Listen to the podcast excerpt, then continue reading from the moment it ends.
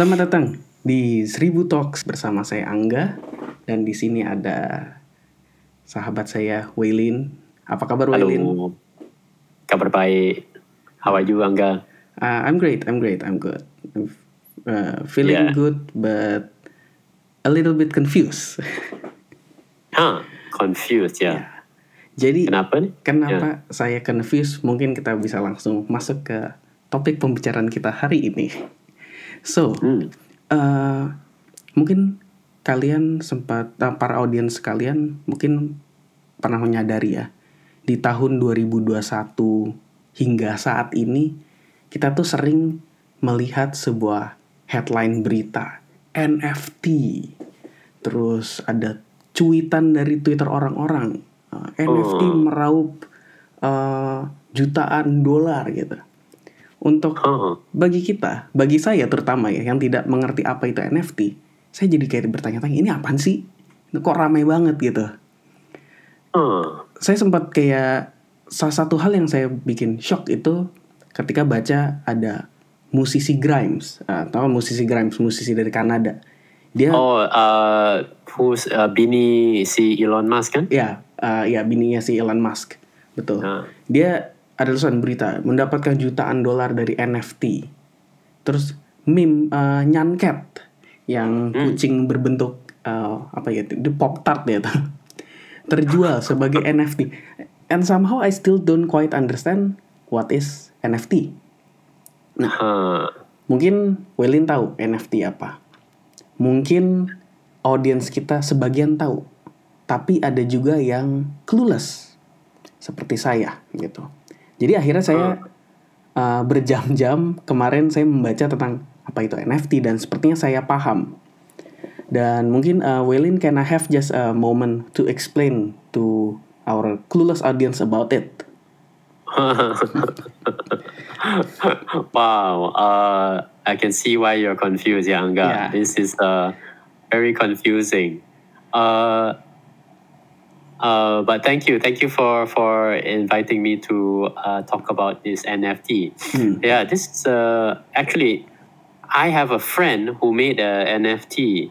Hmm. Uh, he made this NFT dan dia uh, dia udah upload ke platform NFT terbesar di dunia namanya OpenSea. Oh. Si ya di ejanya um, SEA Mm. OpenSea.io. So uh, ini OpenSea ini merupakan suatu marketplace untuk NFT dan NFT itu uh, adalah bisa di, dibilang satu cara untuk uh, memasti uh, mengenal pasti siapakah uh, pemilik suatu uh, hasil uh, satu karya digital, Hmm, hmm, hmm. Oke. oke. right? Oke. So uh, biasanya kalau saya ada satu uh, uh, karya digital maupun penulisan atau bahkan gambar atau video, kalau saya mau share dengan teman, copy paste aja bisa dikirim uh, bila-bila aja Hmm, hmm. ya dan setelah saya you know kirim share dengan beberapa orang uh, tidak tak, tak ada sesiapa pun yang bisa you know tahu manakah kopi yang uh, original Hmm, hmm, hmm. sama semua semuanya sama uh, so jadi ini mm, menimbulkan satu masalah di mana uh, si artis uh, tidak boleh uh, kurang kurang caranya untuk uh, menjaga membelah hak dia. Hmm, oke. So uh, NFT will help that because uh, dengan NFT uh, pemilik uh, si kar, uh, karya digital ini uh, tercatat dalam uh, sesuatu yang digelar blockchain.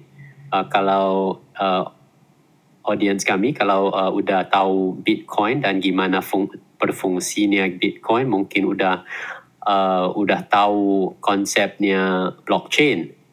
So uh, secara simple blockchain merupakan satu rekod uh, transaksi. So kalau saya belikan suatu karya digital dari Angga, ah, uh, akan tercatat di bakal tercatat di blockchain. Saya sudah membeli karya ini dari Angga dengan harga beberapa beberapa. And se- selepasnya, ayah saya pemilik uh, karya digital ini. Hmm. And nobody in the world can argue because the blockchain ini uh, is the is the record yang terpercaya.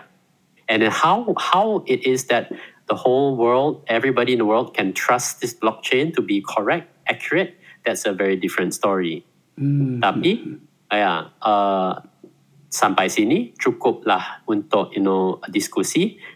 Kalau kita, kita tahu yeah, this is how it works. You have this record and then with the record we know siapakah you know pemilik si this uh, karya kita. Hmm. And so with the NFT, yeah, now artists can have a way to sell their uh, karyanya, you know, all their artwork and make a living from it. Kalau misalkan saya kemarin sempat baca-baca sih, kayaknya NFT ini bener-bener bisa berupa apa aja ya. Yang penting uh, berbentuk digital gitu. Entah itu Iya, gambar, entah itu musik. Kemarin saya lihat juga ada uh, video dijadiin sebagai NFT. Oh, ya ya ya. Nah, dan mungkin bisa juga. apakah mungkin gitu kalau otak manusia kita download terus kita ubah jadi AI itu bisa jadi NFT juga itu itu mungkin bisa terjadi. Oh bisa, enggak bisa. Hmm. Uh, ada kami boleh me, uh, memakai teknologi NFT uh, untuk uh, mengetrack uh, how to say hak miliknya uh, apa-apa pun Hmm. bisa terpakai untuk properti, mobil, uh, as, you know, polis asuransi dan lain-lain. Hmm. Ya, I think semuanya bisa. Mm-mm. Selama itu bentuknya masih kayak digital gitu ya. Oh, tidak seharusnya. Oh, tidak seharusnya. Properti juga oke, right? Oh, Oke oke. Dengan dengan blockchain saya juga bisa uh, menge- uh, mencatat uh, siapakah pemilik eh, rumah di uh, rumah saya. Mm-mm. I know. Uh, biar kita uh, asumsi, okay, saya rumah ini terjual, ada yang jual dan beli, jual dan beli berkali-kali. Hmm. Tapi di blockchainnya udah uh, selalu tercatat, oh siapa yang pernah beli, siapakah yang uh, pemiliknya sekarang, you know, all of that. Orang-orang di Indonesia tuh banyak nih yang mulai menggunakan NFT untuk menjual seni digital. Gitu. Ya. Kurang lebih sih kebanyakan sih dari art-art gitu. Dan banyak juga orang yang mengatakan bahwa NFT ini menjadi sebuah evolusi dari fine art collecting. Nah sekarang mungkin Hmm. balik lagi kenapa sih saya ngomongin soal NFT mulu nih dari tadi sampai kita butuh pencerahan dari Waylin apa sih NFT gitu. Jadi Ya. kemarin tuh ada sempat uh, satu hal yang viral. Jadi ada orang bernama Gozali. Dia ini anak asal Semarang. Ah, Dia heboh banget karena dia uh, apa namanya menjual foto selfie-nya dia sebagai produk non fungible token atau NFT di OpenSea. ah, Eh, menariknya ratusan produknya ini laku terjual hingga ratusan juta rupiah gitu. Jadi uh, saya ngeliat kayak, hah, cuma dari jualan selfie doang gitu kok bisa gitu ya. iya, gila. Jadi si Gozali ini kemarin tuh sempat eh, apa namanya sempat bilang kayak gini, aku mengambil foto diriku sejak berusia 18 hingga 22 tahun. Jadi dari 2017 sampai 2021 setiap Hmm. hari hanya di depan webcam aja cuman kayak you just stay still on your webcam and take a picture gitu. Iya, iya, iya. Whether you are wearing shirt or not gitu. Dan dia bilang itu bener-bener gambarku berdiri di depan komputer hari demi hari Iya. buntut dari viralnya si cuitannya si Gozali ini itu bikin para netizen-netizen yang NFT enthusiast ini jadi penasaran dan Hmm. dari mereka ini nggak sedikit yang coba beli foto selfie-nya si Gozali itu. Nah saya tadi sempat ngecek uh, apa namanya dari profilnya si Gozali. salah satu fotonya ada yang current price ya tulisannya. Hmm. Current price itu 200 juta US dollar. Oh, Ah. well, that doesn't mean itu tidak berarti bahwa ada orang yang pernah uh, membayar Hmm. uh, harga itu. Cuma kalau ada sesiapa yang pengen uh, membelinya saat ini, Mm-mm. uh, itulah harganya. So you know what I mean? That is the current price, tapi uh, sebelumnya Mm-mm. tak ada uh, ia ter uh, how to say gambar itu terbeli dengan harga yang lain yang lebih murah. Hmm. So that's the current price, you know. Oke oke paham. Jadi mungkin gini, uh, sebenarnya gambar itu uh, sebelumnya dibeli dengan harga let's say satu dolar gitu, let's say ya.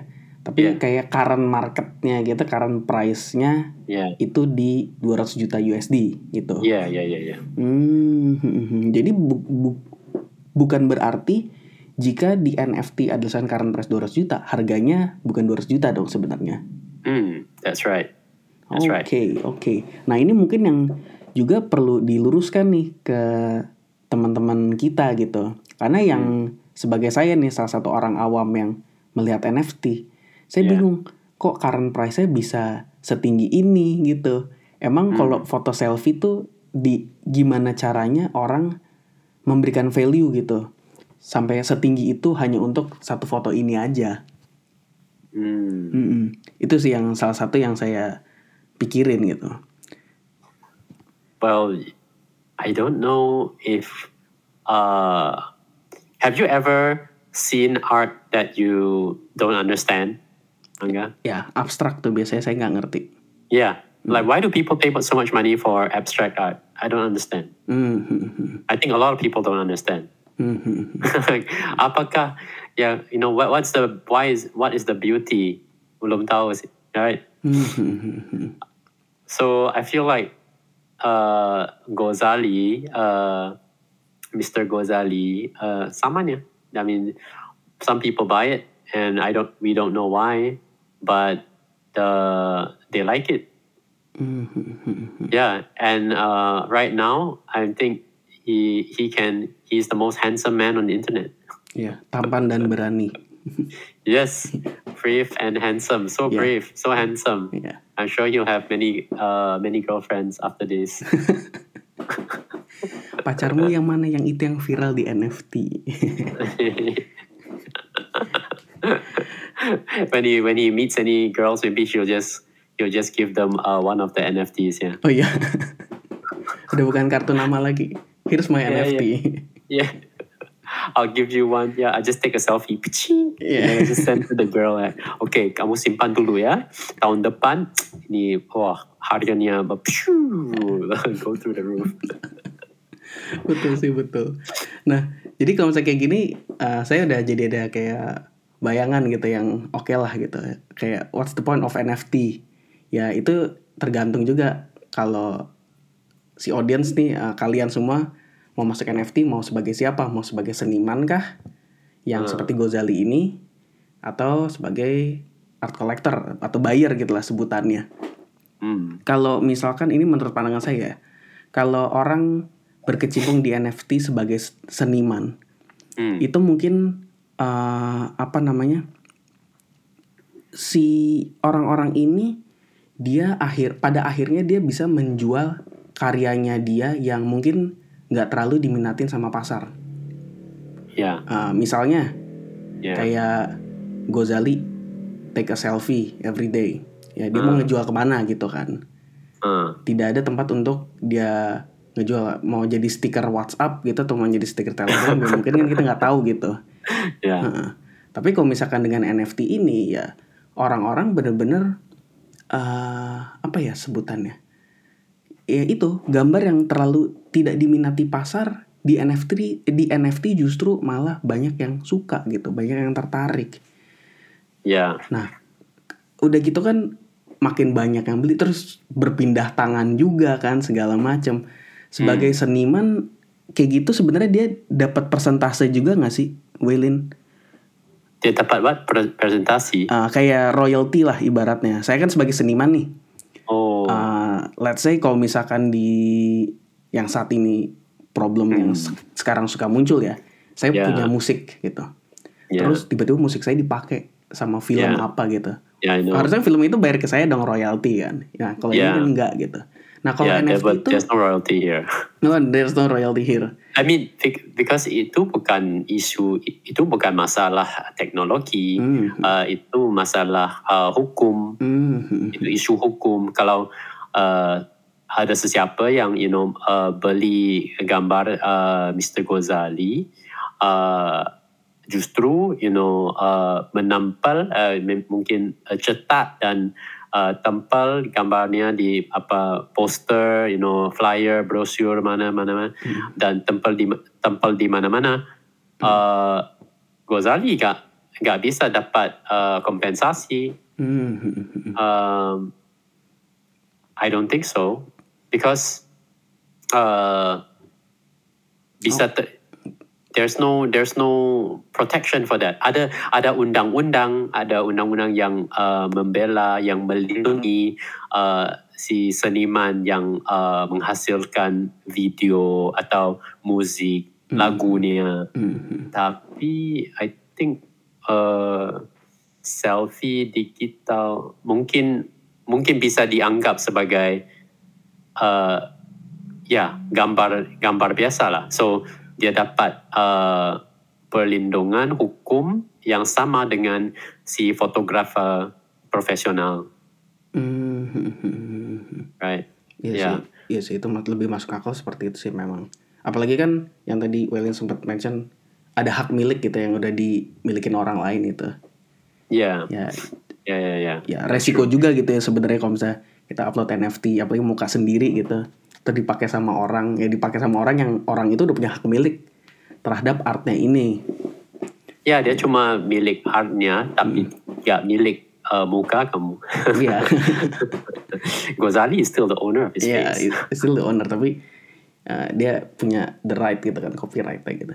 Oke. Ya. Kalau misalkan sebagai uh, kalian mau berkecimpung di NFT tapi sebagai buyer gitu atau art collector. Nah, ini mirip dengan yang tadi kita bikin example misalkan let's say Gozali ngasih selfie ke seorang wanita terus dia bilang, "Oke, tunggu aja tahun depan." gitu.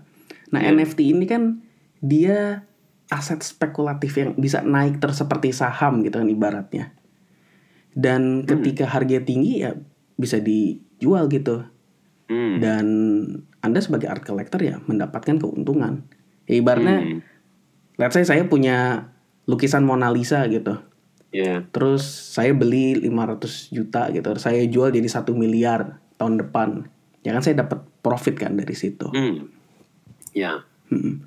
Jadi kalau misalkan saya pikir-pikir memang uh, banyak hal sih yang kita tidak ketahui dan akhirnya kita belajar untuk ingin tahu gitu. The world is a really strange place. Hmm. So many things that we didn't know.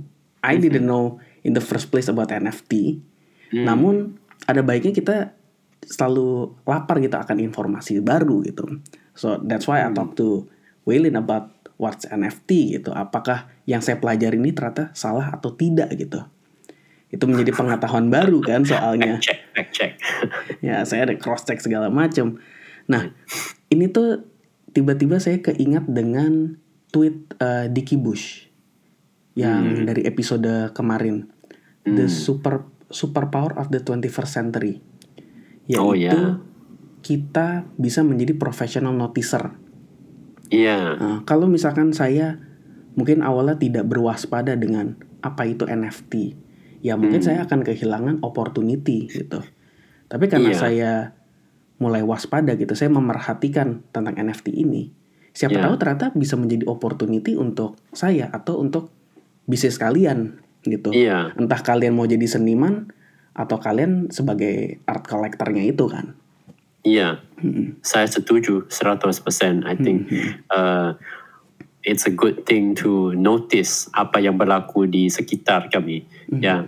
Uh, misalnya uh, if we are you know uh, kalau kami berwaspada if we are, we, pay, we are uh, attentive uh, mungkin you know uh, kami bisa you know we can feel like saat uh, jiran-jiran you know uh, masyarakat kami udah uh, you know gimana how they feel about covid apakah udah you know reda ketakutan udah reda uh, I think we can feel these things right? Hmm, or we would feel like oh yeah you know I see a lot of people with the uh, BTS MACD hmm, uh, Happy Meal. Uh, so uh, dengan ini I think we will we see more uh, opportunity ya kesempatan. Ya. Betul betul. Ya. Saya setuju banget dengan Dicky Bush. Thank you Dicky Bush. Uh, yes indeed. It's a very very good account to follow very good follow uh, for our audience. Kalau eh, over here I think we we talk a lot about Twitter. Kalau uh, ya kalian uh, all my all my wonderful audience if you use Twitter I think you get more out of this podcast ya. Right Angga? Betul betul betul banget betul banget. Hmm. oke. And uh, wait, one thing about this, uh, so just the uh, article that you didn't mention, you for, that this uh, article from Kompas, ya udah uh, menyatakan uh, NFT uh, Mr. Ghazali udah dihargai sebanyak uh, 42, 42 miliar rupiah. Hmm, hmm, hmm. It's crazy, right? It's super high. Itu berbeda banget Um, now I don't really know if that's correct uh, because I'm looking at the OpenSea, uh, the OpenSea web profile, yeah, Hmm, for Ghazali. Ghazali, betul Uh, ada 448 orang yang uh, pemilik uh, gambarnya. So Ghazali udah uh, mengambil sebanyak 933 buah gambar uh, dan yang terjual sebanyak 448. Uh, so what how to say uh, the value of all the you know gambar-gambar yang yang terjual the value is uh, sebanyak let me just do a calculation uh, 197 times 4500 uh 1.6 million US dollars 1.6 million Eh no, sorry. Uh, uh sorry, sorry, sorry. 1.6. 1.6 million USD. Eh. Uh, 1.2 US dollar. 1.2 million US dollar. So artinya 1.2 million USD to IDR 17 miliar 17 miliar, yeah. So I think the Compass number is a bit uh, wrong because it said dihargai hingga 42 miliar. Yeah, that one will be what people want to sell today. Mm-mm, betul betul But yeah, kalau dihitung, you know, uh, nilai gambarnya yang terjual, you know, that's already been sold. Yeah, 17 miliar. So not all of it went to him, right? Because sometimes dia udah gambar yang udah terjual ke orang lain, uh, uh, pihak C belinya dari pihak B, so uh, Ghazali doesn't get anything. Hmm, Yeah, but a lot. Yeah, there was a lot of um, a lot of trading of his uh, photos. Then and right now the cheapest yang digelar dibilang floor price. The floor price is five hundred.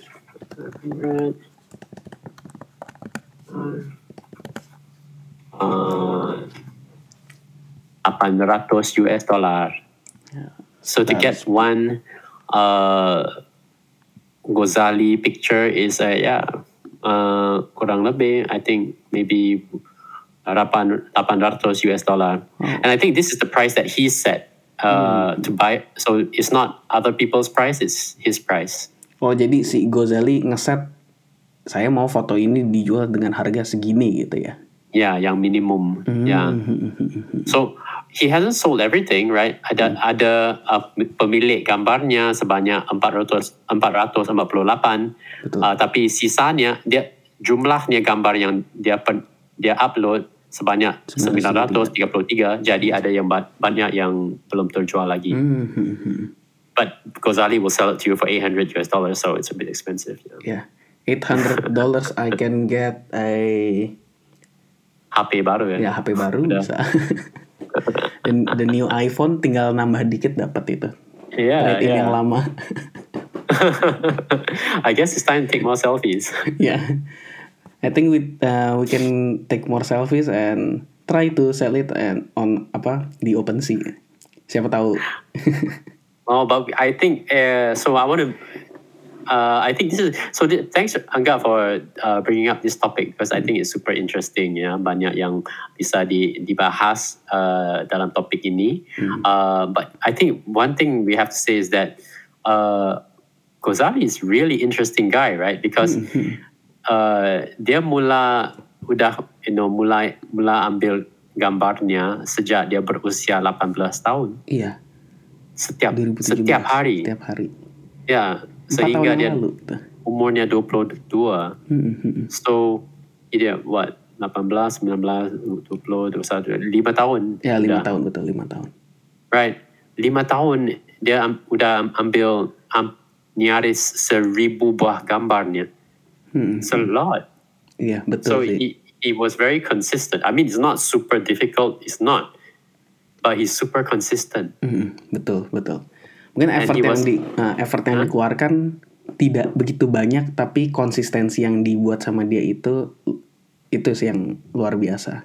Yeah, and he was also uh, obviously uh, some kind of artist because dia udah tahu, you know, uh, platform ini uh, si platform OpenSea, Hmm, betul betul. right? Not a lot of people know it yet. Hmm, betul betul. Itu juga So uh, smart guy. Iya betul. Itu juga salah satu hal yang saya notice uh, orang ini udah ngambil dari 2017 gitu.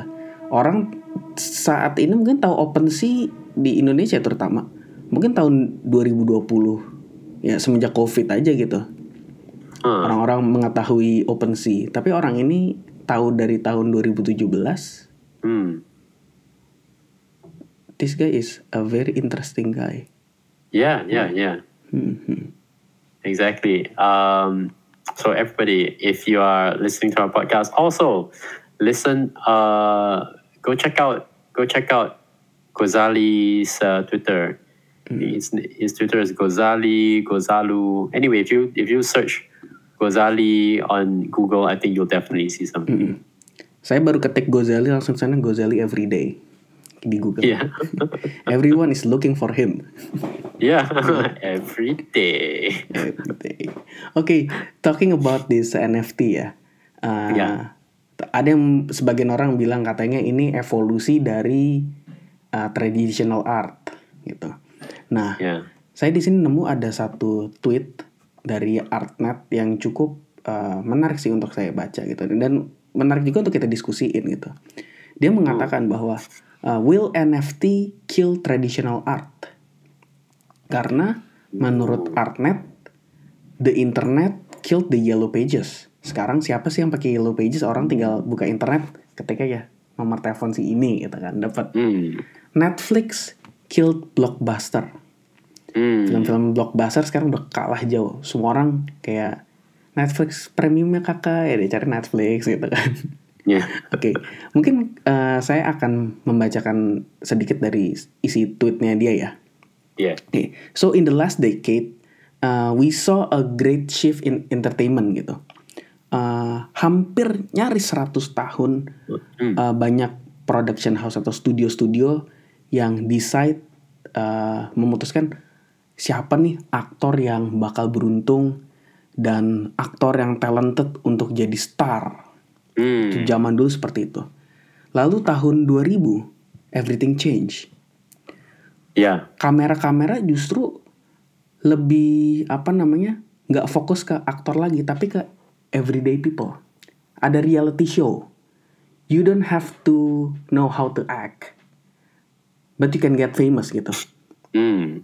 anyone could be a star namun evolusi berubah lagi tahun 2010 ada Instagram ada YouTube ada podcast social media goes mainstream.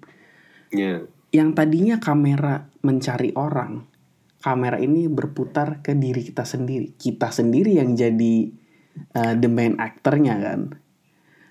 People turn the Yeah. cameras and microphone on themselves. The studio become powerless. Mm. Uh, banyak seperti apa namanya YouTube star Mr. Beast. Saya suka nonton Mr. Beast, dia keren. Uh, could Yeah. build a more sizable, much more engaged following than the biggest TV or film star. Mm. Nah, contoh lainnya uh, Joe Rogan, The Kardashians, mereka bisa bikin reality show untuk dirinya sendiri, gitu. Sampai pada akhirnya uh, 75% anak-anak sekarang, kalau kita tanya, cita-citanya jadi apa? Maunya jadi youtuber, maunya jadi social star. Dulu kita ditanya, kamu mau jadi apa? Saya mau jadi pilot, pah ya. Yeah. Kamu mau jadi apa? Youtuber. Everyone want to be a YouTuber. Nah, kalau uh, and now in this decade we are seeing a similar size shift beginning to happen in the art world. Uh, ada perubahan juga nih, tidak hanya dari film-film perfilman, tapi dari seni juga, seperti lukisan. Yeah. For hundreds of years, kings and queens and noble uh, decided which art was relevant. Mereka lebih mikirin kayak uh, lukisan. Dan for the first time uh, pada era Victorian tahun 1800-an mulai muncul galeri-galeri, museum, dan collectors begin to move market. Orang-orang udah mulai art collecting dari tahun segitu. Uh, Yeah. Fast forward to the late uh, 1900. Uh, by the time the public learned about Warhol, uh, their work has become expensive. The best piece gobbled up by known collectors and market makers. Nah, di situ udah mulai yang namanya uh, apa koleksi art udah mulai berkembang lah di sana ibarat katanya. Sampai-sampai si Artnet ini dia cerita waktu dulu dia uh, grew up in Mor apa dia ngobrol sama orang yang grew up di daerah Morocco Uh, dan di Morocco dia bilang there are five dealers who make up the art mafia. Ada mafianya juga sampai-sampai. Mhm. Saking ini besar banget. Namun di tahun 2018 ini berarti Gozali udah mulai masuk nih di sini. Uh, a new paradigm began. In NFT there are no museum, no galleries other than the marketplaces and the galleries made by collectors themselves. Yang tadinya orang-orang misalkan saya sebagai seniman saya mau menjual barang saya harus ke museum gitu. Sekarang diubah, saya sendiri yang buka marketplace-nya. Yeah. Iya kan? Sama kayak tadi eh, yang tadinya kamera ngarahin ke aktor, diubah ke diri saya sendiri. Saya bisa jadi vlogger sendiri gitu kan. Mm. Nah, eh, kita bisa ngelihat apa namanya perubahan ini terjadi juga di dunia art. Yeah. Uh, project-project diupload ke OpenSea. Yeah. Any artist from anywhere in the world with no invitation uh, can mint a drop. Mint artinya buy ya. Mm. So now with NFT for the first time ever, you can decide which artist will define this generation. You can access their art before they get big. And you can make them big by voting with your wallets dengan uang kita gitu. Mm. By showing them in your own galleries. Mm. Nah, dengan kita ngeliat seperti ini, apakah benar NFT itu akan mematikan yang namanya traditional art? Mm. Kalau menurut saya, sepertinya eh, enggak sih. Karena eh, kalau menurut saya pribadi, NFT itu bukan artnya gitu. NFT kan hanya medium untuk menjualnya aja kan. Mhm. gitu jadi apakah will kill traditional art no traditional art tetap akan ada dengan marketnya dia NFT itu hanya sebagai medium aja untuk orang ngejual art-artnya dia jadi menurut saya sih enggak sih kayak masih di abu-abu gitu menurut saya enggak. Huh. kalau menurut Well- William gimana Mm. Uh, I hope you forgive me. I'm gonna answer your question with a different question. Oh, just this time. Oke. Just one time. Uh, do you think that the radio is dead? Hmm, saat ini belum. Right. Uh, in fact, maybe radio is back because uh, dulunya um, we thought that radio would be killed by uh, the internet because you have this uh, iTunes. Radio, Star, ya. iTunes and then uh, what's this uh, Spotify ya I, uh, Apple Music uh, Pandora dan lain-lain banyaknya Hmm, betul betul. yeah but then what what happened also was that podcasting became popular Hmm, and now you know uh, podcasting is like radio betul. so radio is not dead. I mean, if the radio uh, personality uh, use the internet do a podcast, it's great. In fact, business is better than ever. Hmm, hmm. And I think Spotify, I think uh, ada episode episode awal kami di mana kami udah bahas uh, is, uh, topik uh, podcast di Indonesia. Ternyata Spotify udah mel- melabur yang memasukkan uang yang banyak uh, untuk mendapat konten baru uh, pod, konten podcasting untuk pasaran Indonesia. Hmm, hmm, hmm, hmm.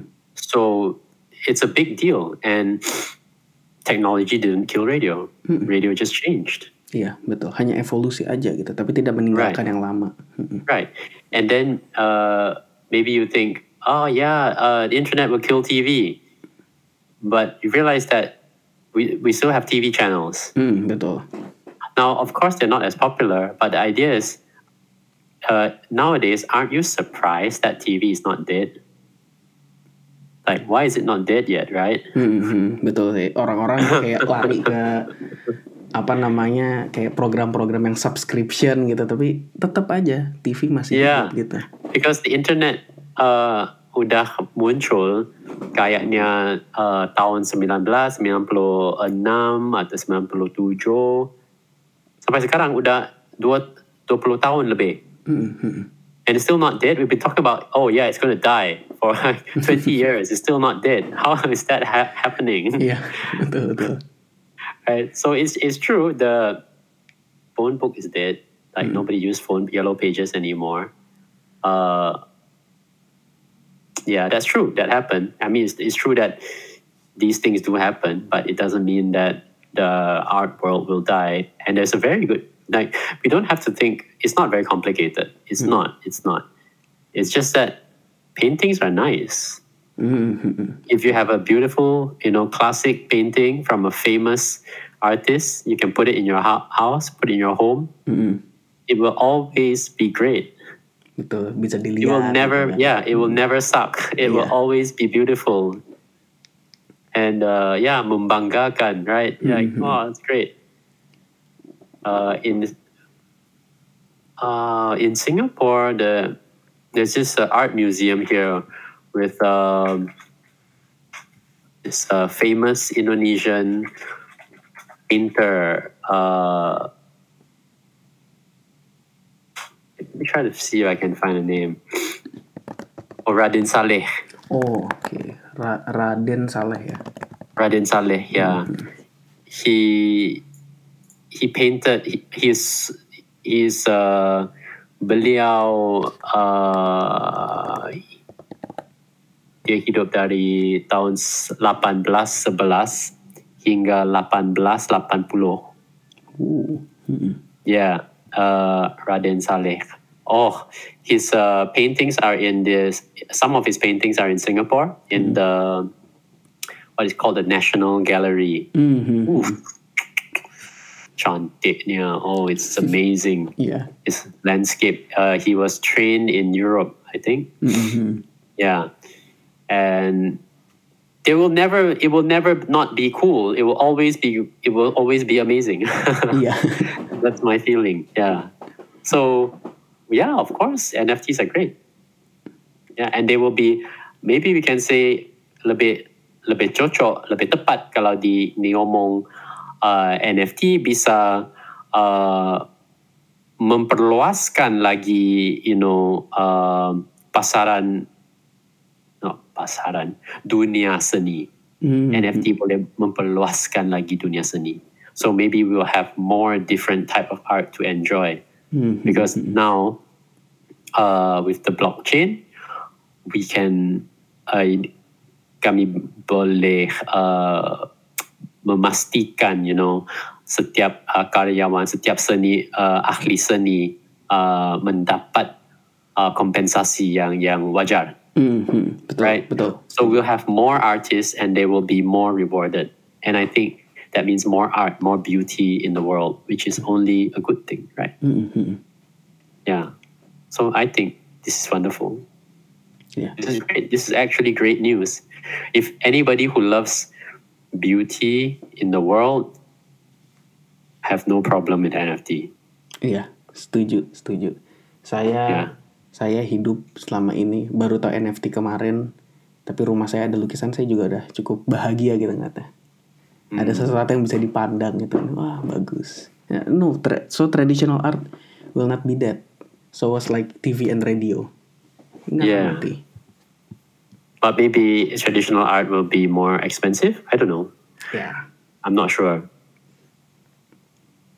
Uh, because now kalau you know untuk uh, generasi ke depannya, apakah generasi de- ke depan, generasi depan, generasi muda uh, tetap mau you know uh, menghasilkan karya uh, painting, how to say, lukisan. Hmm, hmm. Because why why would they do that if they just do it digitally, right? Iya sih, betul, betul. right? All their friends are doing it digitally, so maybe there'll be less. But I think people always love it. Always love uh, physical art. Iya, physical art tuh bagus. Meskipun kita nggak ngerti artinya apa gitu dari lukisan, tapi tenang. You can uh, relieve your stress gitu ngelihatnya kayak Yeah, tenang yeah, banget yeah. ya ngelihatnya. Hmm, hmm. Exactly, exactly. Oke. Now you're just enjoying the stress-free Ya, environment. betul, betul, betul. nah itu mengingatkan saya pada satu topik yang sepertinya Wilin akan mau angkat nih, Ah, Ah, yaitu mana nih? farmer give cows VR headset to reduce anxiety. Oh yeah, you like that? Production, ya. Oh man. Uh, okay, I will tell the audience. That was so fun. That was so funny. this is, uh, yeah. Uh, my dear audience, my dear audience. Now, how do you know that we are in the you know twenty first century? Yeah. Mm-mm. Uh, now I will tell you how you know we are in 21st century. di di uh, negara Turkey, uh, in Turkey, uh, some farmer uh, has given dia udah bagi sapinya VR headset. And why was a cow need a VR headset? Oh, because it make the cow happier. Dan gimana you know si uh, peladang uh, peternak peternak sapi gimana Dia uh, tahu gitu. dia tahu ya mm how's happier they produce more milk crazy he said after he give the cow the headset Mm-mm. uh, sapinya you know berhasil berhasil memproduksikan uh, susu sebanyak 27 liter per hari dari uh, tahap asalnya 22 liter per hari. Jadi uh, ya ini berupa, merupakan peningkatan what nyaris 20% ya. I think Ya kurang Yeah. lebih, Mm-mm, betul. Yeah, yeah, yeah. It's crazy. you give the VR headset. And then now I know everybody is thinking, okay, okay, tapi apakah yang di, you know, uh, yang dilihat melewat VR headsetnya? Ya, So, lihat. It just shows the green fields. Tapi bukannya kalau sapi lagi makan dia juga depannya green fields ya? yeah, yeah, yeah, yeah. So beautiful. Iya. So this farmer also he's a very very creative man. Uh, because dulunya uh, beliau pernah uh, how to say ya uh, he plays music, yeah, for his cows. Classical music, classical music. But uh, the headset VR, yeah, uh, are so so effective. Uh, dia rencana untuk membeli uh, 10 set lagi. untuk taruh di sapinya itu. Yeah. Dan saya ngelihatnya kayak sapinya entah kalau saya sih ngeliatnya kayak nggak nyaman gitu ada dua VR di kepala gitu satu mata satu VR really? iya Satu uh, mata biasa, right? And then satunya VR. Isn't that confusing? iya tapi eh, saya nggak tahu sih ini benar bisa berfungsi atau enggak sih sebenarnya. Apakah memang oke eh, dari 22 liter jadi 27 liter karena dikasih VR gitu? Atau mungkin sebelumnya sebenarnya dia udah melakukan sesuatu gitu. Atau ada yang merubah mood si sapinya itu selain si VR-nya ini? Kita nggak tahu ya soal Oh. itu. Well, if the cows live in a very controlled environment, I see the picture. Yeah, I see the picture that you sent. Mhm. So the thing is one set for each ya one set for each eye eye. Yeah, and pada saya, I think it's obvious that the headset work because the cows are in a very controlled environment, right? betul sih when you do uh, kalau kami lak, saat kami lakukan eksperimen saintifik uh, satu prinsip dasarnya pondasinya. Kami harus you know meng, uh, control se, uh, sebanyak mungkin faktor uh, eksternalnya. Mhm. right? So we try to make all the factors the same dan cuma you know uh, membedakan satu faktor aja. And I think that would be the VR headset right? Hmm, ya sih, betul, betul. I, I think it's always super the the way you know something is true or you know you know when people tell us something how we know it's true is that they're willing to put money on it. Yeah, banyak yang gitu. right. If somebody tells us that uh oh, oh yeah uh, uh, bitcoin bakal you know uh, naik harganya. Mm-mm. and you, you may tell your friend like, oh ya benar kah uh, apakah kamu udah beli bitcoin? And then they say oh uh, belum. Then you, then you don't trust anything they say. Yeah. right? Yeah, betul, betul. like the bare minimum. Tahap minimum. Like you have to be willing to put your money on something in order to say ya saya yakin uh, yakin pada ini. Mhm. right? So this farmer he bought he he bought the headset and he plans to buy 10 more. I think yeah that's quite powerful. Kalau misalnya lihat sih memang uh, si siapa sih namanya ini kocak kocak IZ ya. Ya IZ Iya. kocak. Well, kocak in Indonesia means funny. so uh, I think it's a really if he's funny called idea. if he's called Luchu Kocak, wouldn't that be even better? ya very funny. so uh, di sini kan di artikelnya ini disebut uh, Izzat previously used classical music to try and shoot his cattle. Uh, Yeah. Ini sih sebenarnya salah satu hal yang mengingatkan pada saya waktu itu orang tua saya, uh, bapak saya itu mau dioperasi bypass. Uh, bypass itu kan mengeluarkan jantung, terus uh, selama let's say kalau nggak salah dalam waktu lima menit itu harus udah dimasukin lagi ke badan agar bisa tetap hidup gitu. Itu kan stressful banget ya. Tapi si dokter ini bisa membuat kita tidak stressful dengan ngeplay classical music di ruang operasinya. Satu uh, apa namanya si dokternya juga lebih tenang dan pas dan dia juga mungkin uh, optimis gitu bahwa si pasiennya ya bisa alive gitu, still be alive. Huh, huh, huh. Nah, ketika uh, ya, kenapa Pak? Oh, ketika you know uh, operasinya dilakukan, uh, bukankah uh, pasien uh, how to say udah tidur? Uh, ada kayak step sebelumnya ketika lagi mau pasang ring kayak gitu biasanya sih nggak tidur. Ada yang nggak tidur ada yang tidur. Dan itu tetap dimainin si si classical music ini. Tapi kalau bypass ya you have to sleep. Right, exactly. I was thinking, uh, nggak kalau ring kalau di ring very doang. strange. Yeah, kalau your ring, father ya. is a very different man. no no no. Kalau di pas lagi di ring iya dalam keadaan bangun gitu. Tapi pas bypass di itu lepas terus saya jadi kepikiran Oke, ketika manusia sudah dites dengan classical music, terus uh, sapi dites dengan classical music, apakah pada nantinya akan ada, let's say, uh, manusia melakukan operasi yang dia harus bangun, apakah dia harus memakai VR juga untuk uh, decrease the anxiety? Ya, Hmm. maybe. Huh, the VR to decrease the anxiety. Ya kan uh, di sini kan Ya. sapi menggunakan VR, Yeah, anxiety-nya berkurang, terus dia bisa produce more milk. yeah. Ya, apakah ke depannya nanti manusia juga ketika lagi operasi dia bisa menggunakan VR supaya dia tidak stres gitu. Untuk dokter kah? Uh, untuk si pasiennya, misalkan pasiennya, let's say uh, operasi yang tidak harus uh, tidak harus tidur gitu, Hmm, hmm, hmm, hmm. terus dia menggunakan VR gitu. Of course, of course it will. But uh, if you don't need, kalau yeah, maybe that. I think that will definitely work. Hmm. I think what 100%, you're right, 100%.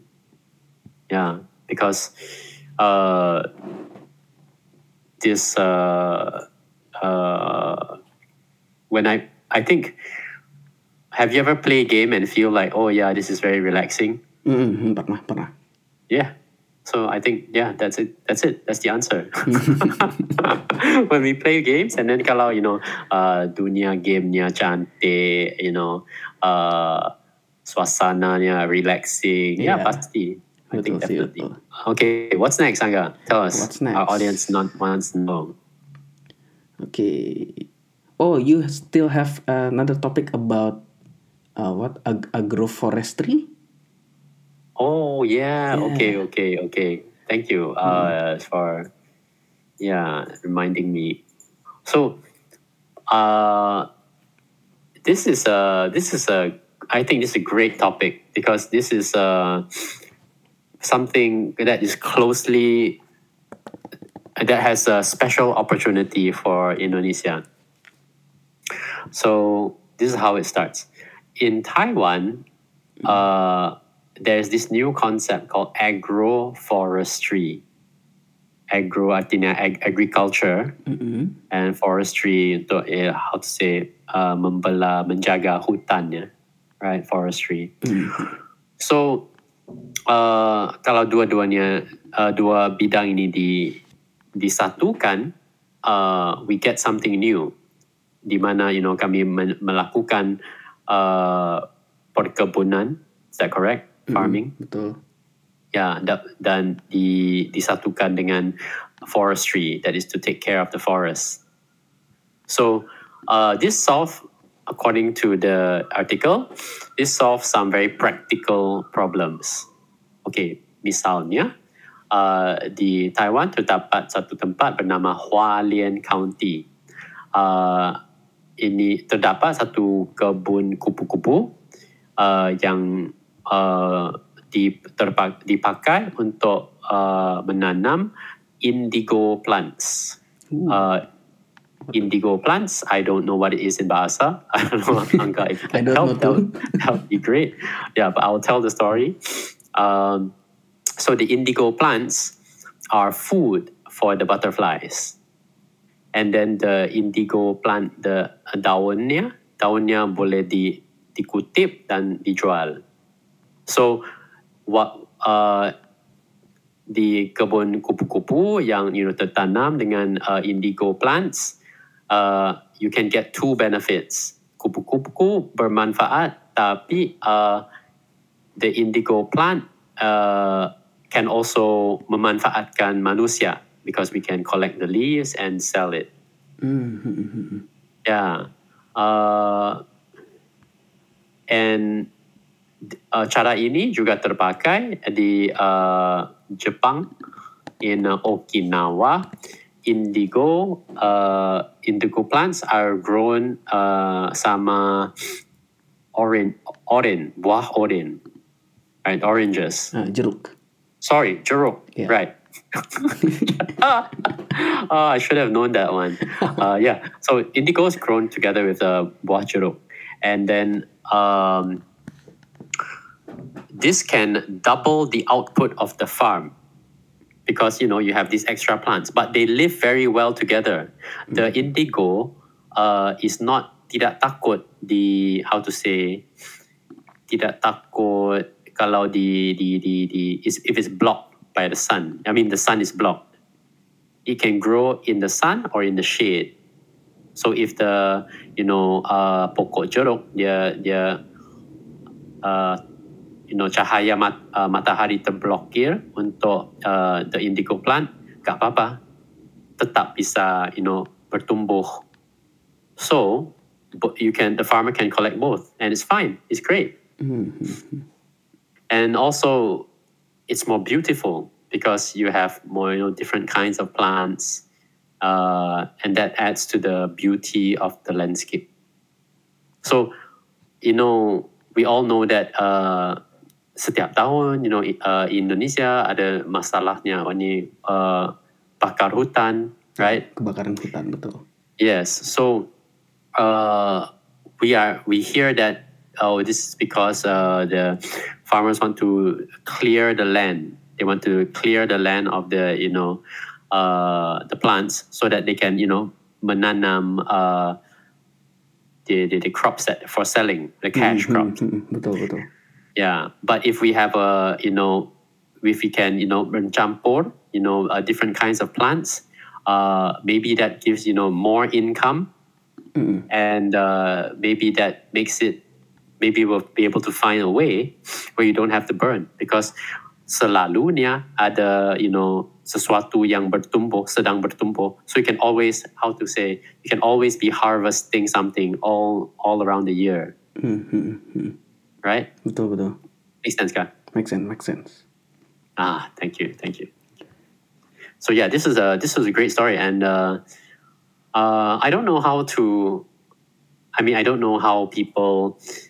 You know, I, I wish that there was an easier way to to get these kind of ideas to, you know, um, people who can act on it, who can take action. Misalnya, you know, perusahaan uh, besar yang you know peladang, I guess the uh, pekebun, uh, farmers, or maybe to the uh, pemerintah yang boleh, you know, some some departments they uh, tugasnya membantu uh, si pekebun dan peladang, right? It's their their responsibility to help.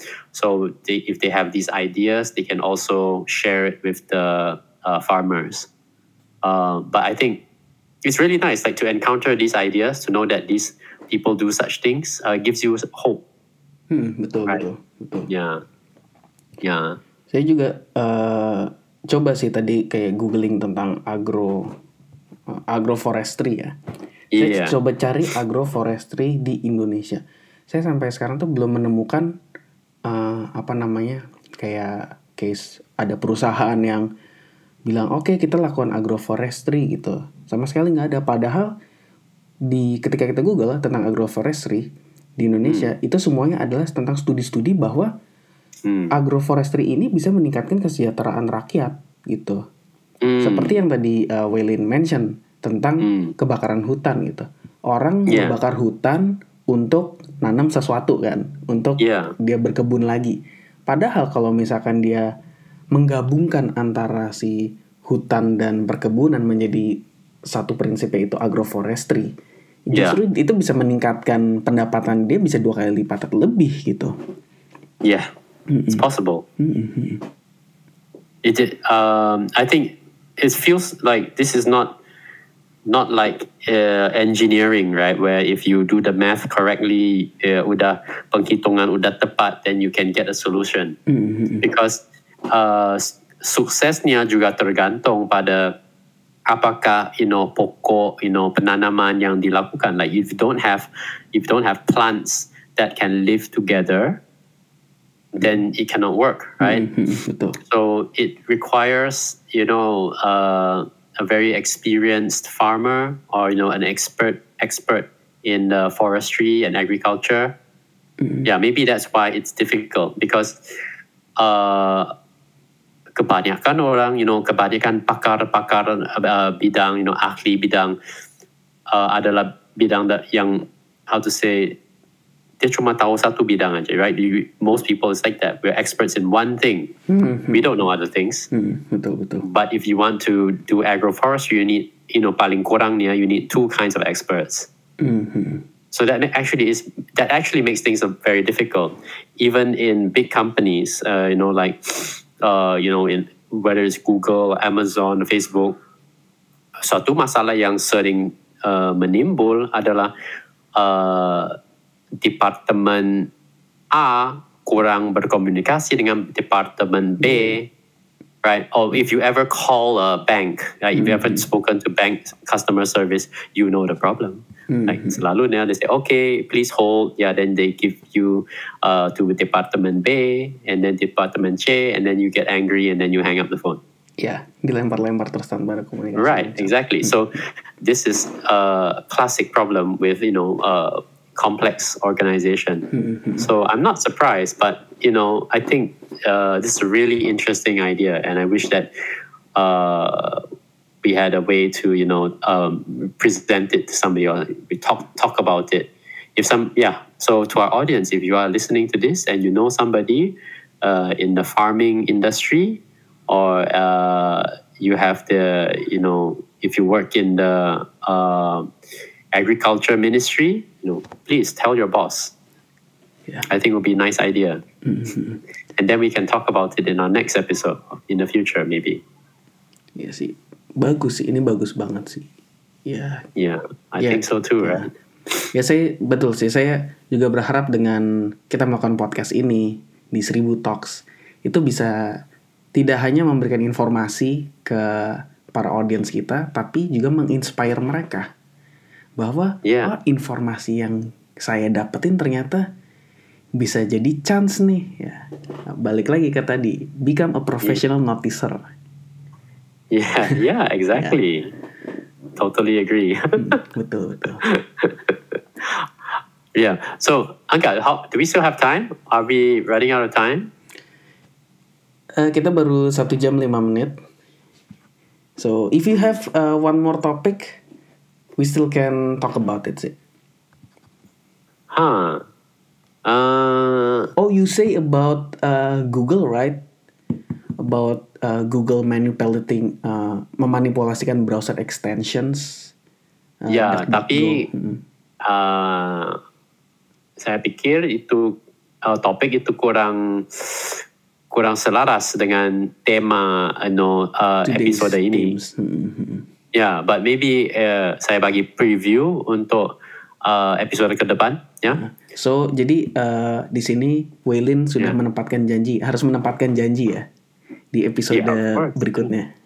Menjelaskan Definitely, ini. one hundred Oke. percent. Uh, but the okay, so the preview is that uh, well, the the biggest search engine company in the world uh, does things that harm uh, its competitors, with which uh, I think doesn't surprise anybody. Tiada sesiapa pun yang heran, you know, if you hear about this um, big companies doing things that are not good. Uh, for those uh, the the, the uh, the, the audience kami uh, yang amat muda mungkin belum tahu uh, tahun 2000 2000-an uh, that's so early many many years ago 10 tahun lebih dulu. Uh, Microsoft Microsoft used to have a lot of problems because in the early 2000s Microsoft had the most popular web browser Internet Explorer Hmm, hmm, kan? Siapakah no, nowadays nobody uses Internet Explorer. It already died. right. But uh, in that time, everybody was using Internet Explorer. Iya, betul. And uh, Microsoft was uh, taken to court, uh, you know, because they they were, you know, dipikir, uh, dibilang memaksa uh, para konsumen memakai browser Internet Explorer. And that was a big case, and Microsoft, you know, struggled with this case for many years. And they never actually, you know, they eventually lost lah because nowadays nobody uses Internet Explorer. But it was a big deal, and now uh, Google is starting to see some of these problems, and maybe next week we will talk about some of these issues. Hmm, hmm, hmm. Bisa, bisa. Tentu saja. Hmm. Oke. Okay. Oke. Yes, Mungkin- Angga. What do you want to tell us? Uh, I don't have uh, apa namanya topik lagi sebenarnya, tapi mungkin kita akan membahas yang kurang lebih topik-topik yang setema dengan yang Wilin tadi mention Hmm. tentang Internet Explorer dan lainnya. Mungkin nanti saya akan mencari topik yang sesuai. Sure thing. Oke, mungkin uh, we can call it a day untuk Alright. episode kali ini. Uh, terima kasih banget untuk audiens kalian yang sudah mendengarkan sampai detik ini juga. Terima kasih juga untuk Waylin untuk menjelaskan dan meluruskan apa itu NFT gitu. Untuk saya orang awam Ya, dan sama-sama. our clueless audience about NFT. Angga, don't insult the audience. No, I don't insult them. I insult myself. I'm clueless too. don't, don't insult yourself. Oke, eh, terima kasih semuanya. Sampai jumpa di episode selanjutnya di Seribu Talks. ya, terima kasih Terima semua. kasih semua and have a great weekend. Bye, Day. Thank you.